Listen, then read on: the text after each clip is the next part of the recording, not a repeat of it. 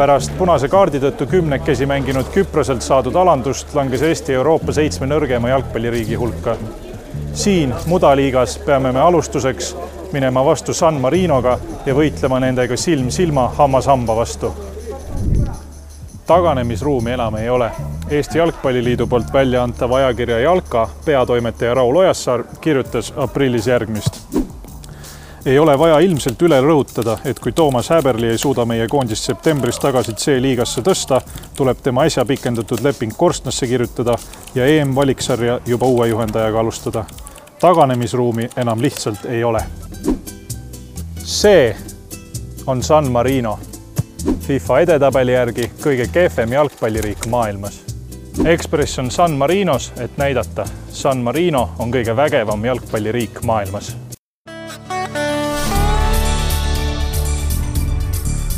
ja nagu te kuulsite, see oli Mattias virtuaalses versioonis, aga Mattias on meil siin stuudios ka päris versioonis otse San Marinost saabunud Eestisse. siin on ka Grete.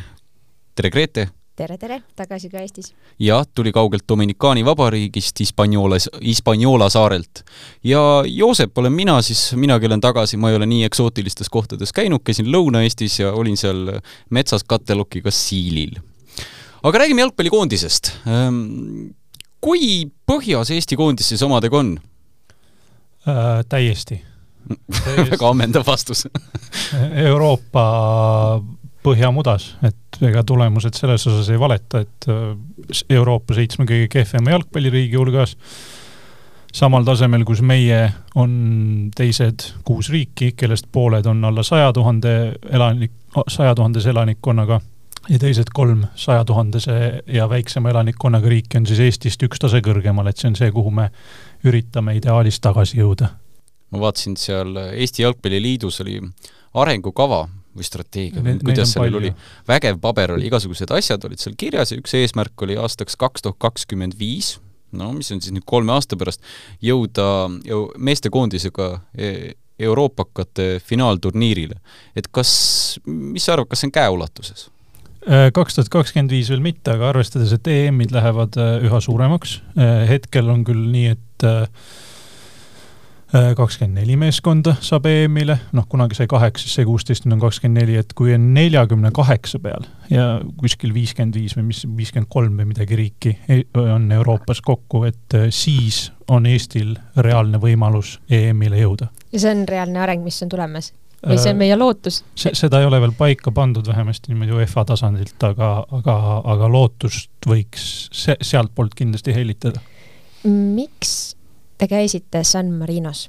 me käisime San Marinos, äh, sest et äh, San Marino jalgpallikoondis on, on FIFA edetabeli järgi maailma kõige kehvem ja Eesti jalgpallikoondis on langenud Euroopa kõige madalamasse divisjoni ja seal on meie esimeseks vastaseks äh, maailma kõige kehvem jalgpalliriik San Marino. me käisime seal, tegime San Marinost äh, meie vastastest täisamatöörmeeskonnast loo kuidas see käib, et sa lähened ühele meeskonnale, ütled, et tere, mina olen Eestist, ma olen sellise ajalehe juurest ja mul on mõte, et ma tahaksin teha teist kui kõige kehvemast jalgpallimeeskonnast lugu, et pisut kui rõõmsad nad olid seda kuuldes? kui rõõmsad nad niisuguse raamistuse üle olid äh,?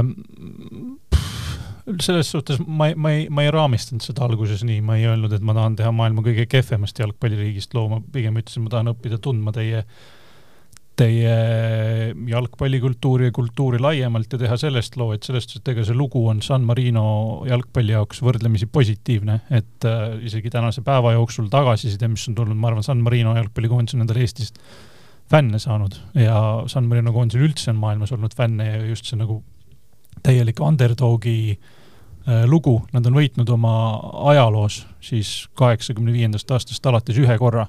Nad võidavad keskmiselt viie, vabandust, keskmiselt viiekümne mängu tagant nad saavad ühe viigi.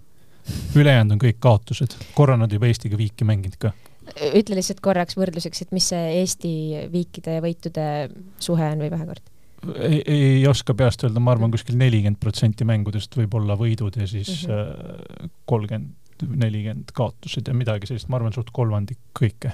kui sa seda plaani siin paika panid kontoris, no eks me ikka nägime, kuidas sa seal äh, üht-teist kõrvalt arutasid ja mõtlesid, et esialgne plaan oli ju Eesti koondisega teha üldse sarnane lugu, et äh, mis seal juhtus, et miks eestlased ei olnud varmad äh, samamoodi nagu San Marinolased ennast siis leheveergudel kajastada laskma? Ütleme nii, et eestlased olid valmis, aga lihtsalt see ei olnud piisaval levelil access'i, mis oleks meile huvi pakkunud, et me oleksime saanud teha e enne koondise kogunemist, oleksime saanud teha pealt, peatreeneri ja taustajõududega intervjuud. Ja siis nipet-näpet hiljem ka, aga põhimõtteliselt sellist äh, asja, et me oleks saanud koondise trennidel, koondise riietusruumides, igal pool, kus me oleks taha, tahtnud ligi pääseda, seda ei äh, ei olnud ja seetõttu ka see ei pakkunud meile huvi, et mis see põhjus seal on, et noh, see võib olla nii sportlik, võib olla mis iganes, et ega ma, ega ma sinna sisse ei oska vaadata. kahju on ka natuke, et eestlased ligi ei lasknud või äh,? mingil määral on, aga ma arvan, me saime teistmoodi laheda loo, et äh, ma arvan, et see loo tase on lõppude lõpuks sama, et ta lihtsalt tuli natuke teistsugune see on selles mõttes uskumatu meeskond, et seal ähm, soovitan minna kindlasti veebist lugema seda lugu, igaüks saab siis proovida ähm, mängida või ise nagu ära arvata, et milline eesolevast viiest mängijast, kes neist on siis nagu päriselt profijalgpall, ülejäänud tegelikult töötavad äh, hoopis muudel ametikohtadel. mitte viiest, vaid äh, kogu riigi peale on kolm professionaalset jalgpallurit mm, -hmm. kes siis üks-kaks tavaliselt jõuab neist koondisesse põhimõtteliselt, äh, kui lühidalt kokku võtta, siis kogu San Marino jalgpalli kohta äh, on põhjapanev fakt see, et viimases koondise aknas oli ühest mööblitehasest kolm korda rohkem mehi, kui oli seal professionaalseid jalgpallureid. teine põhjapanev fakt on, et riigi endine pea, samasugune tüüp nagu Eestis Toomas Hendrik Ilves, Ilves oli ametis siis kaks tuhat kuusteist veel, tema oli kaks tuhat seitseteist ta on San Marino koondise arst, et kui mängija saab platsil viga, võetakse ta kanderaami peal minema, siis tuleb endine riigipea, hakkab teda mudima, vaatab, kas, kus on varvast vaja krõksutada, kui vaja, teeb pärast operatsiooni, määrab aja, see on riigipea. operatsiooni, vau no mõtle, kui Toomas Hendrik Ilves veaks mängijaid äh, platsil kõrvale ja laseks neil seda külmutavat aerosooli peale ja nii edasi. kas sealt San Marino koondisest on Eesti koondisel midagi õppida ka või? Äh, tegelikult ma arvan, see koondis ise, et nad on küllaltki optimistlikud, et äh, paratamatult suurus paneb teatavad piirangud ja täielik äh, amatöörlus, aga noorte töö süsteemsus äh,, seda on toodud arendama mees, kes on siis seerias Itaalia kõrgliigas mitme klubi juures töötanud, Livornoga ka eurosarja mänginud koolitusjuht on Itaalia koondise endine abitreener, kes on käinud nendega EM-il ja äh, nende kahe mehe eesmärk number üks on teha kohalikus äh, jalgpallisüsteemis reform, mis siis tooks kaasa ühtse süsteemi kõikide klubide mõttes, et kõik teevad täpselt samamoodi trenni, täpselt samasuguse strateegiaga arendavad noori ja siis noh, selle lõpptulem võiks olla ka see, et meeste A-koondis hakkab paremini mängima. Mäletad äh, siis, kui Islandil oli tohutu edu äh, Euroopa meistrivõistlustel, siis analüüsiti ka päris nagu hästi-hästi põhjalikult, et mis see on, kuidas nii väike riik saab toota, kasvatada nii tublisid, tugevaid jalgpallureid. siis räägiti ka Eestist, oi, me peame hakkama ka ikkagi nagu maast madalast äh, rajama jalkahalle ja kuidagi nagu seda süsteemsemalt meie järelkasvu vormima ja mingeid jalkahalle siin-seal ju avatakse nüüd. avatakse. kas see on, ähm, et kas see, et Eesti on põhjas, see vist nüüd ei ole see tavaline niisugune soigumine jalgpalliajakirjanike poolt, on ju, see ongi fakt, kahjuks me oleme kukkunud tasemes, aga kas me vähemalt liigume õiges suunas, kas need suured sõnad, mis siis öeldi e? hetkel me ikka liigume allapoole, et sellest ei. nii põhjas me ei ole varem olnud mm, -hmm. et mhm. see on, see on, see on uus tase. järelkasvu mõttes? Äh, järelkasv on meil U kakskümmend üks koondise tasemel kehvem kui San Marinol sel kümnendil, see on fakt. Eesti on kaotanud kõik mängud äh, U kakskümmend üks koondise tasemel. ehk siis meie lähim järelkasv on veel hullem. San Marinol on vähemasti üks viik. Jeesus Maria, mis toimub või kus, kus nagu see mootor katki läks Eesti jalgpallis siis? Äh, me, meie jalgpalli on väga suletud ring, seda juhivad kolmkümmend aastat sama inimene, Aivar Pohlak, väga kitsas ringkond on seal ümber muu maailm on suuresti, isegi meie lähinaabrid kaasanud välismaiseid tippspetsialiste, jalgpall on spordi mõttes kõige konkurentsitihedam mäng, spordiala me ajame siin väga kitsalt oma asja, teeme seda oma mullis ja muu maailm areneb lihtsalt eest ära. no paranda mind, kui ma eksin, ikkagi äh, viimasest viiest äh, koondise peatreenerist enamik on ju muukeelsed Ko olnud. koondise peatreener on, ei, viimasest viiest, ma arvan, kolm on eestlased ja kaks välismaalased mm, -hmm. aga aga koondise peatreener on jäämäe tipp, et äh, tõenäoliselt ma ei, ma ei ole mingisugune jalgpalli suur teoreetik või filosoof aga nii palju, kui ma tean lähiriikide kaugemate riikide või kas või selle San Marino näiteid, siis üritatakse just nimelt seda noortetööd, et noh, kas või võrdluseks seda lugu tees, Eesti äh, Eesti äh, alaliidu tehniline direktor on Janno Kivisild, ta on töötanud Jalgpalliliidus umbes kakskümmend viis aastat või kakskümmend või mida iganes. ta CV kõige uhkem saavutus on see, et ta suutis äh, Flora meeskonnaga jääda Eesti liigas neljandaks, lisaks on ta Valga Warriori treener olnud ja tema on see mees siis, kes seda kogu meie jalgpalli laiemat pilti suunab. Ja koondise, vabandust, eh, koolitusjuht on selline mees nagu Jan Harend. Äh,, ei teadnud tast absoluutselt mitte midagi, enne nüüd lihtsalt vaatasin, et kes huvitav Eestis siis äh, jalgpalli hariduse eest vastutab, tema CV on selline, et ta on peamiselt olnud naistetreener, aga siis korraga Saku Sportinguga ei suuda enam meenutada, äkki olid Eesti tugevasti kolmandas liigas paar, paar mängu neid juhendanud. tema on siis see, kes äh, oma kogemusele ja õpitu pealt äh, on, äh, vastutab selle eest, et kõik Eesti tuleviku jalgpallitreenerid oleksid tasemel, et õpetada meie noori mängijaid äh, sama headeks, nagu need on meie, meiega konkureerivates riikides. ei kõla nagu tohutu kompetents? ei noh, võib-olla on kompetents, ma ei oska öelda, sest ma, ma, ma räägin puhtalt CV põhjal, ma ei ole nende inimestega elus ühtegi sõna rääkinud, ma ei ole nende töösse süvenenud, aga lihtsalt kui ma võrdlen kas või San Marino leveliga, mis on noh, maailmas kõige kehvem, vaadates FIFA taset, siis Eesti level vähemasti sealt jäi ikka tohutult alla. kuule, aga neljapäeval on mäng Eesti ja San Marino vahel, et ennusta skoori? ma arvan, Eesti võidab raske kaks-null. Esi-, esimene tuleb äh, kiiresti äh,, siis San Marino vahepeal surub ja siis Eesti lööb veel teisega lõpus. aga kui peaks San Marino võitma, kas see oleks äh, Kirstu Nael Pohlakule? ei, Pohlakule kindlasti mitte, kindlasti mitte kindlasti mitte, aga, aga selles suhtes, et noh, San Marino näiteks Läti, kui mängis nendega viiki, vallandas päevapealt treeneri, kes oli tegelikult päris edukas treener olnud neile ja, ja on ka vist teisi meeskondi, kes on sedasama teinud, aga et no selles suhtes võidu tõenäosus San Marinol, me räägime, nad on kolmekümne viie aasta jooksul ühe korra võitnud. see, see, et nüüd tuleb Eestis võit, noh, see, see, see, see peab ikka nagu täielik ilmaime olema. et viiki tõesti, Eesti on juba nendega mänginud, äh, see on võimalik ja veelgi tõenäolisem on see San Marinos enda kodustaadionil, et äh, jah. mis sina, Joosep, ütled äh, skooriks, mis sa ennustad? Mul pole õrna aimugi. äkki saame San Marinole siia rõõmustada ja anda neile ajaloo teise võidu? Ma just tahtsin öelda, et iseenesest äh, elades kaasa on ju tõesti, nagu sa ütlesid, underdogile ehk et äh, meeskonnale, kes tegelikult niisuguse entusiasmi ja, ja rõõmuga mängib, on ju, et võib-olla miks mitte, et neile kinkida, aga no ei, mina olen kodumeeskonna poolt kindlasti, äkki siis kaks-üks pakuks. no vahetame teemat, vaatame, mis majanduses toimub, et kui jalgpallis on Eestis ütleme, noh, ütleme need protsendid allapoole, siis majanduses inflatsioon kakskümmend protsenti juba, on ju. majanduskasv esa-, esimeses kvartalis oli täiesti olemas, võrreldes eelmise aastaga sama ajaga neli koma kolm protsenti. jutte rääkima kui Eesti jalgpall aga kasv oli oodatust väiksem ja lehes meil on ka Kaspar Oja räägib, et tegelikult seis on suht hapu majandusega Äh, ja abu ei ole ta nüüd, ütleme, suurte näitajate poolest, vaid pigem sellega, et kuidas äh, riik reageerib olukordadele, et noh, väga palju on kritiseeritud inflatsiooni, aga mi-, mis selle lahenduseks pakutakse? külvame raha. Mm. -hmm soodustame nõudlust, madaldame makse, et inimestel oleks rohkem raha, et tarbida, ehk siis jällegi seda inflatsiooni on ju püsti panna, et, et natuke on selline mulje, et majandusteadlased võivad öelda üht, aga poliitikud kuulavad, mis nad räägivad ja teevad siis risti vastupidist. et jumala eest saada mingisuguseid hääli lähedal oleval valimistel. et miks, ähm, miks muide Kaspar Oja persoon on see nädal?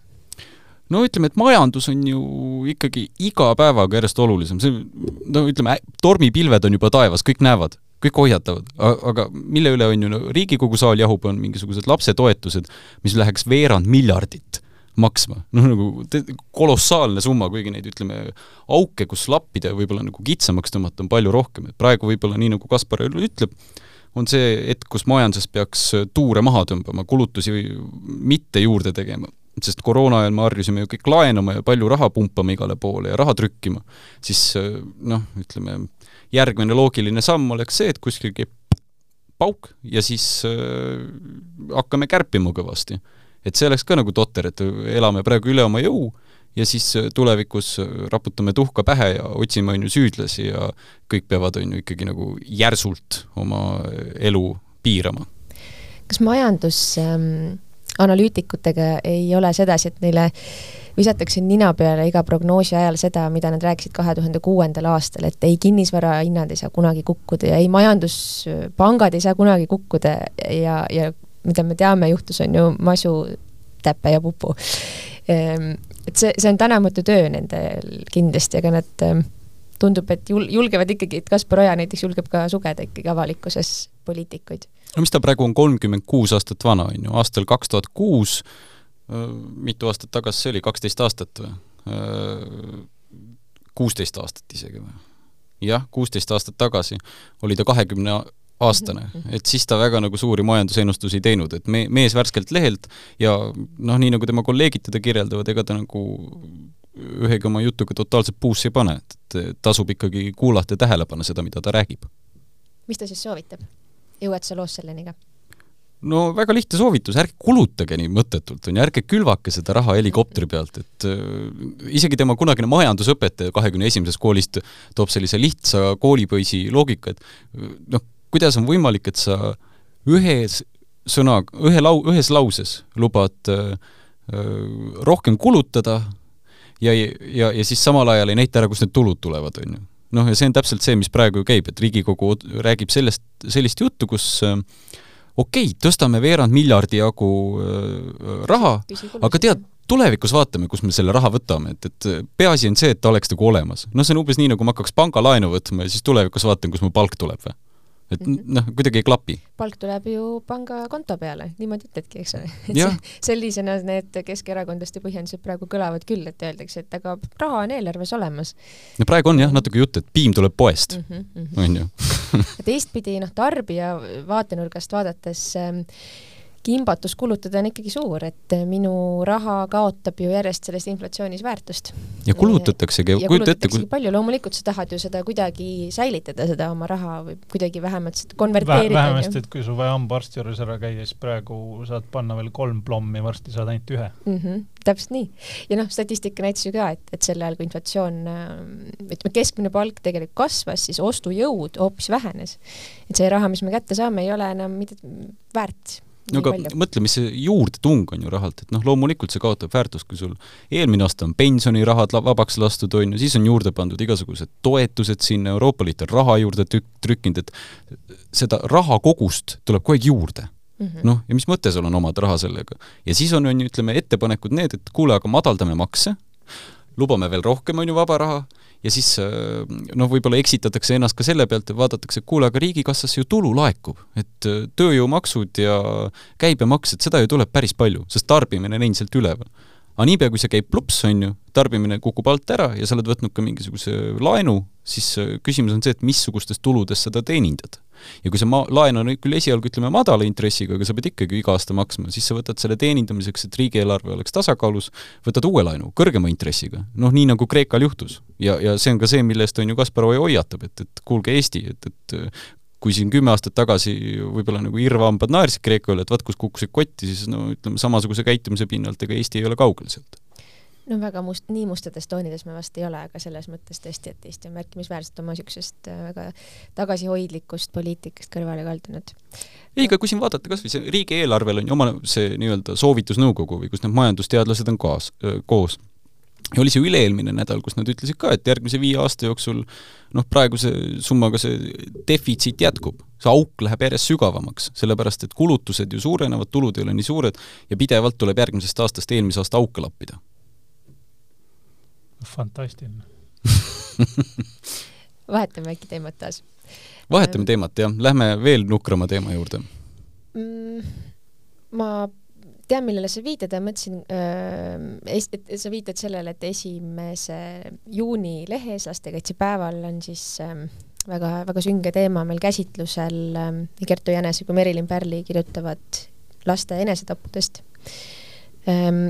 enne seda ma tahtsin tegelikult mainida veel, et, et üks põnev lugu on meil lehes veel, mis ka ei ole üldse nagu kerge teema, Marti Kuusiku kohtuasi.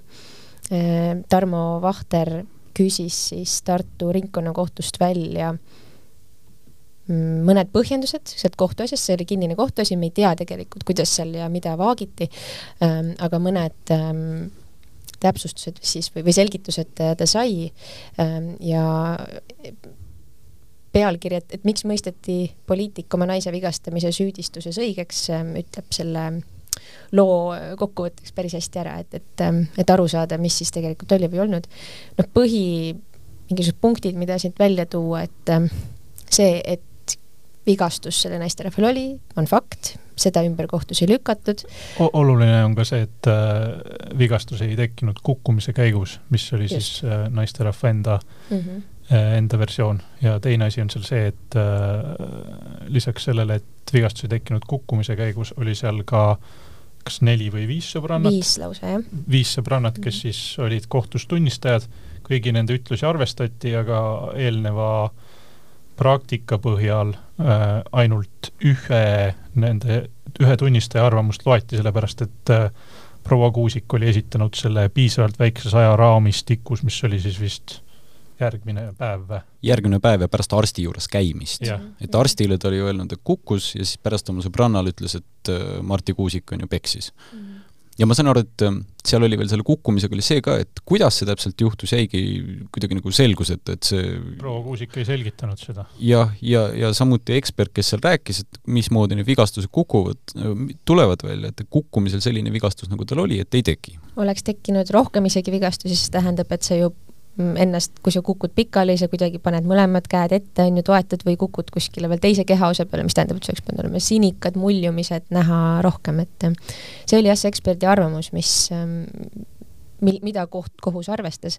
aga kummaline tõesti, et ja see... kirjas oli küll, et kohus luges äh, tõendatuks seda, et vigastus tuli löögi tagajärjel mm. -hmm. nüüd küsimus aga, on, kes lõi? jah, et ja, ja kuna ei ole ühtegi pealtnägijat, ehk siis otseseid tunnistajaid, siis arvestatakse nii-öelda teise ringi või neid kaudseid tunnistajaid, kellele siis ohver ise rääkis nendest asjadest. ja noh, kummaline ongi see, et ühtpidi ma saan aru küll, mis see, mis see loogika on, et, et mida, mida pikemaks sul see aeg läheb, seda mm, sündmusest mööda, seda rohkem sul moondub see mälupilt. Mm, see võib-olla ei ole nii täpne, on ju, kui sa räägid veel edasi, siis järgmine inimene, temal tekivad mingid omad seosed, ta mäletab seda juttu natuke teiste nüanssidega veel et tõesti need, ähm, need sellised ütlused või meenutused võivad muutuda, aga kas siis, siis ongi ju täiesti võimatu üleüldse astuda mm, kohtusüsteemil ja, ja politseil seda, nende inimeste kaitseks välja, kes ise ei saa öelda või mingil põhjusel ei taha öelda, mingi mõjuvõimu all või nii edasi.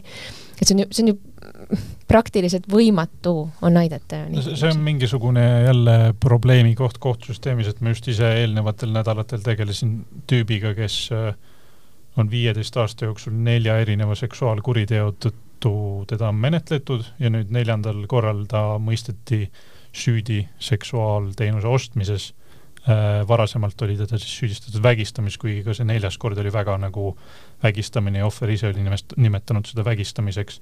ometi ei saa neid äh, nelja eelnevat asja mitte kuidagi ära siduda ja kui äh, pärast loo tegemist näiteks pöördus minu poole inimene, kes väitis, et ka temal on midagi juhtunud küm-, kümne või viieteist aasta eest, siis tegelikult ei ole tal mitte midagi teha, sellepärast et me oleme noh, õigus, raske on tõendada. õigus, üks asi on tõendamine, teine asi on see, et kuriteod ka aeguvad, et need on mingisugused äh, veidrad kohad õigussüsteemis, et äh, mis justkui nagu ei teeninda õiglust, vaid et me oleme seadnud omale nii jäigad piirid ja nende järgides justkui kõik saavad aru, mis toimus, aga samas me ei saa öelda juriidiliselt, äh, et asjad nii olid, sest et noh, see oleks õigusriigis valetamine või vähemasti valeväidete esitamine samas ma olen printsiibis ju nõus, et kriminaalsüüdistuse tõendamiseks peab olema ikkagi selline olukord, kus tõesti jah, et kahtlust enam ei ole. ei, kindlasti, jah. et, et kui keegi mõistetakse süüdi kas või selle pealt, et sul on väikene kahtlus, et see niimoodi ei tulnud või niimoodi ei olnud, siis no ütleme, et see risk äh, kohtule kedagi valesti süüdi mõista ja see tagasilöök on palju suurem kui see, et, et äh, me kaalume tuhat korda läbi selle, kas inimene päriselt on süüdi seda vist neile tõesti ülikoolis õigusteadlastele õpetatakse Tarmo lugu lõpeb jah tõdemusega, et ähm, kohtunikud tegelikult ei kahelnud selles, et need sõbrannad tõtt rääkisid, aga seda kõike oli liiga vähe, et teha mm, lõplik otsus, süüdimõistev otsus. lastekaitsepäev lastekaitsepäev ja tegelikult, kes on Ekspressi lähemalt jälginud, siis viimase kuu aja jooksul, ütleme emadepäevast saati, on sellised emaduse ja, ja laste ja, ja pere teemad ähm, olnud järgemööda käsitlusel, selline väikene eriplokk või, või eritähelepanu on, on meil lehes sellel olnud. ja lastekaitsepäeval ähm, tegelikult see on valus ja kurb teema ja, ja aastate jooksul on ju võetud pigem positsioon, et me ei räägi enesetappudest üleüldse ähm,. on, ähm, on uuringuid, mis näitavad, et ähm, et see võib julgustada kedagi, anda kellelegi nagu hoogu juurde või, või anda selle viimase põhjuse, et, et kui keegi teine tegi, siis järelikult ma võiksin seda ka teha. aga teistpidi, mm, need teemad on, see teema on nii õhus ja see probleem on nii suur, äh, et, ähm, et me peaksime sellest rääkima sellepärast, et et oleks teadlikkust, et oleks neid, kes märkaksid neid äh, muresid ja oleks ka neid, kes ähm, mõistaks, et nad ei ole üksi nende muredega. kui ma korra haagin selle ühe varasema teema külge, siis võib-olla see on ka oluline rääkida seetõttu, et avalikkusel oleks arusaam, mis on oluline mm, -hmm. mis on tähtsam. et nagu olukorras, kus äh, enesetapukatsed on võtnud pandeemilised mõõted, mõõtmed, kus enim enesetapukatseid teeb, teevad viieteist kuni üheksateistaastased, kus äh, Tallinnas laste vaimse tervise keskuses on iga päev kõik voodikohad täidetud. räägib äh, meie avalikkus, meie poliitika, meie Riigikogu räägib sellest, et palju olulisem on raha suunata, ütleme, sellesse kolmanda lapse toetusesse või paljulapseperelise toetusesse, kui sul on, ütleme, see kas või kümnelapseline pere, kellest üks võib teha enesetapukatse ja tal ei ole, on ju, ümberringi seda toetavat võrgustikku, millest kogu aeg on räägitud, on ju, et sul on vaja, on ju, neid psühholooge sinna ümber, sul on vaja inimesi, kes märkaksid, sul on vaja tugiteenuseid, sul on vaja noh, asju, mis maksavad aga okei okay,, anname siis selle raha kõigile laiali lihtsalt ja me, meil on jälle tühi auk. et samal ajal, kui püksid rebenevad jalast, me üritame sokke paigata. Mattias, ähm, sina oled tegelikult ähm, koolitatud psühholoogia vallas hoopiski, lõpetanud äh, bakas Tartus selle eriala. Mm, kui paljud su kursakaaslased või kui palju, jah, sinu kursuselt inimesed ähm, on läinud laste, lastega tegelema või, või kuidas neid eksperte juurde saada? Mm,? ikka on mindud. Äh, selge on see, et see on populaarsem amet naiste seas. Äh, aga juurdesaamine iseenesest on vaevaline, et äh, eks seal on erinevad tasandid, on lastekaitsespetsialistid, sotsiaaltöötajad, kuhu on lihtsam saada, aga kui me räägime siin laste kliinilistest psühholoogidest, siis noh, see, siin on päris keeruline inimesi leida ja tegelikult ka see äh, sõel, mis on siis ette nähtud riiklikult, et äh, kutsetunnistused ja asjad. et see ei ole ka lihtne, see nõuab väga pikka õpet, äh, kutseaastat, mis hetkel on vist veel tasustamata, et noh, need on inimesed, kellel on missioonitunde pealt enam-vähem lähevad, õpivad väga kaua, teha õiget asja, aga, aga lihtne sinna tegelikult leida inimesi kindlasti ei ole, et vastupidi, pigem väga-väga keeruline ja sest, et äh, kliiniline psühholoog on põhimõtteliselt juba ju nagu arsti, arsti tase, et see on see, mis no aastate poolest, mis selleks õppimiseks vaja on ja et noh, ja siis ka veel see kutseaasta otsa, et äh, põhimõtteliselt küll, jah. Mm -hmm.. lihtsalt palk on madalam. kas see palk on see takistus või, või nagu sa mainisid ka, et see selleks kooli inimesed kaovad ära äh, päris, päris paljud õppe käigus, et see on vähemasti niisugune minu kogemus, mis ma olen, ma olen näinud enda endiste kursakaaslaste pealt lihtsalt tekivad mingisugused paremini tasustatavad tööd.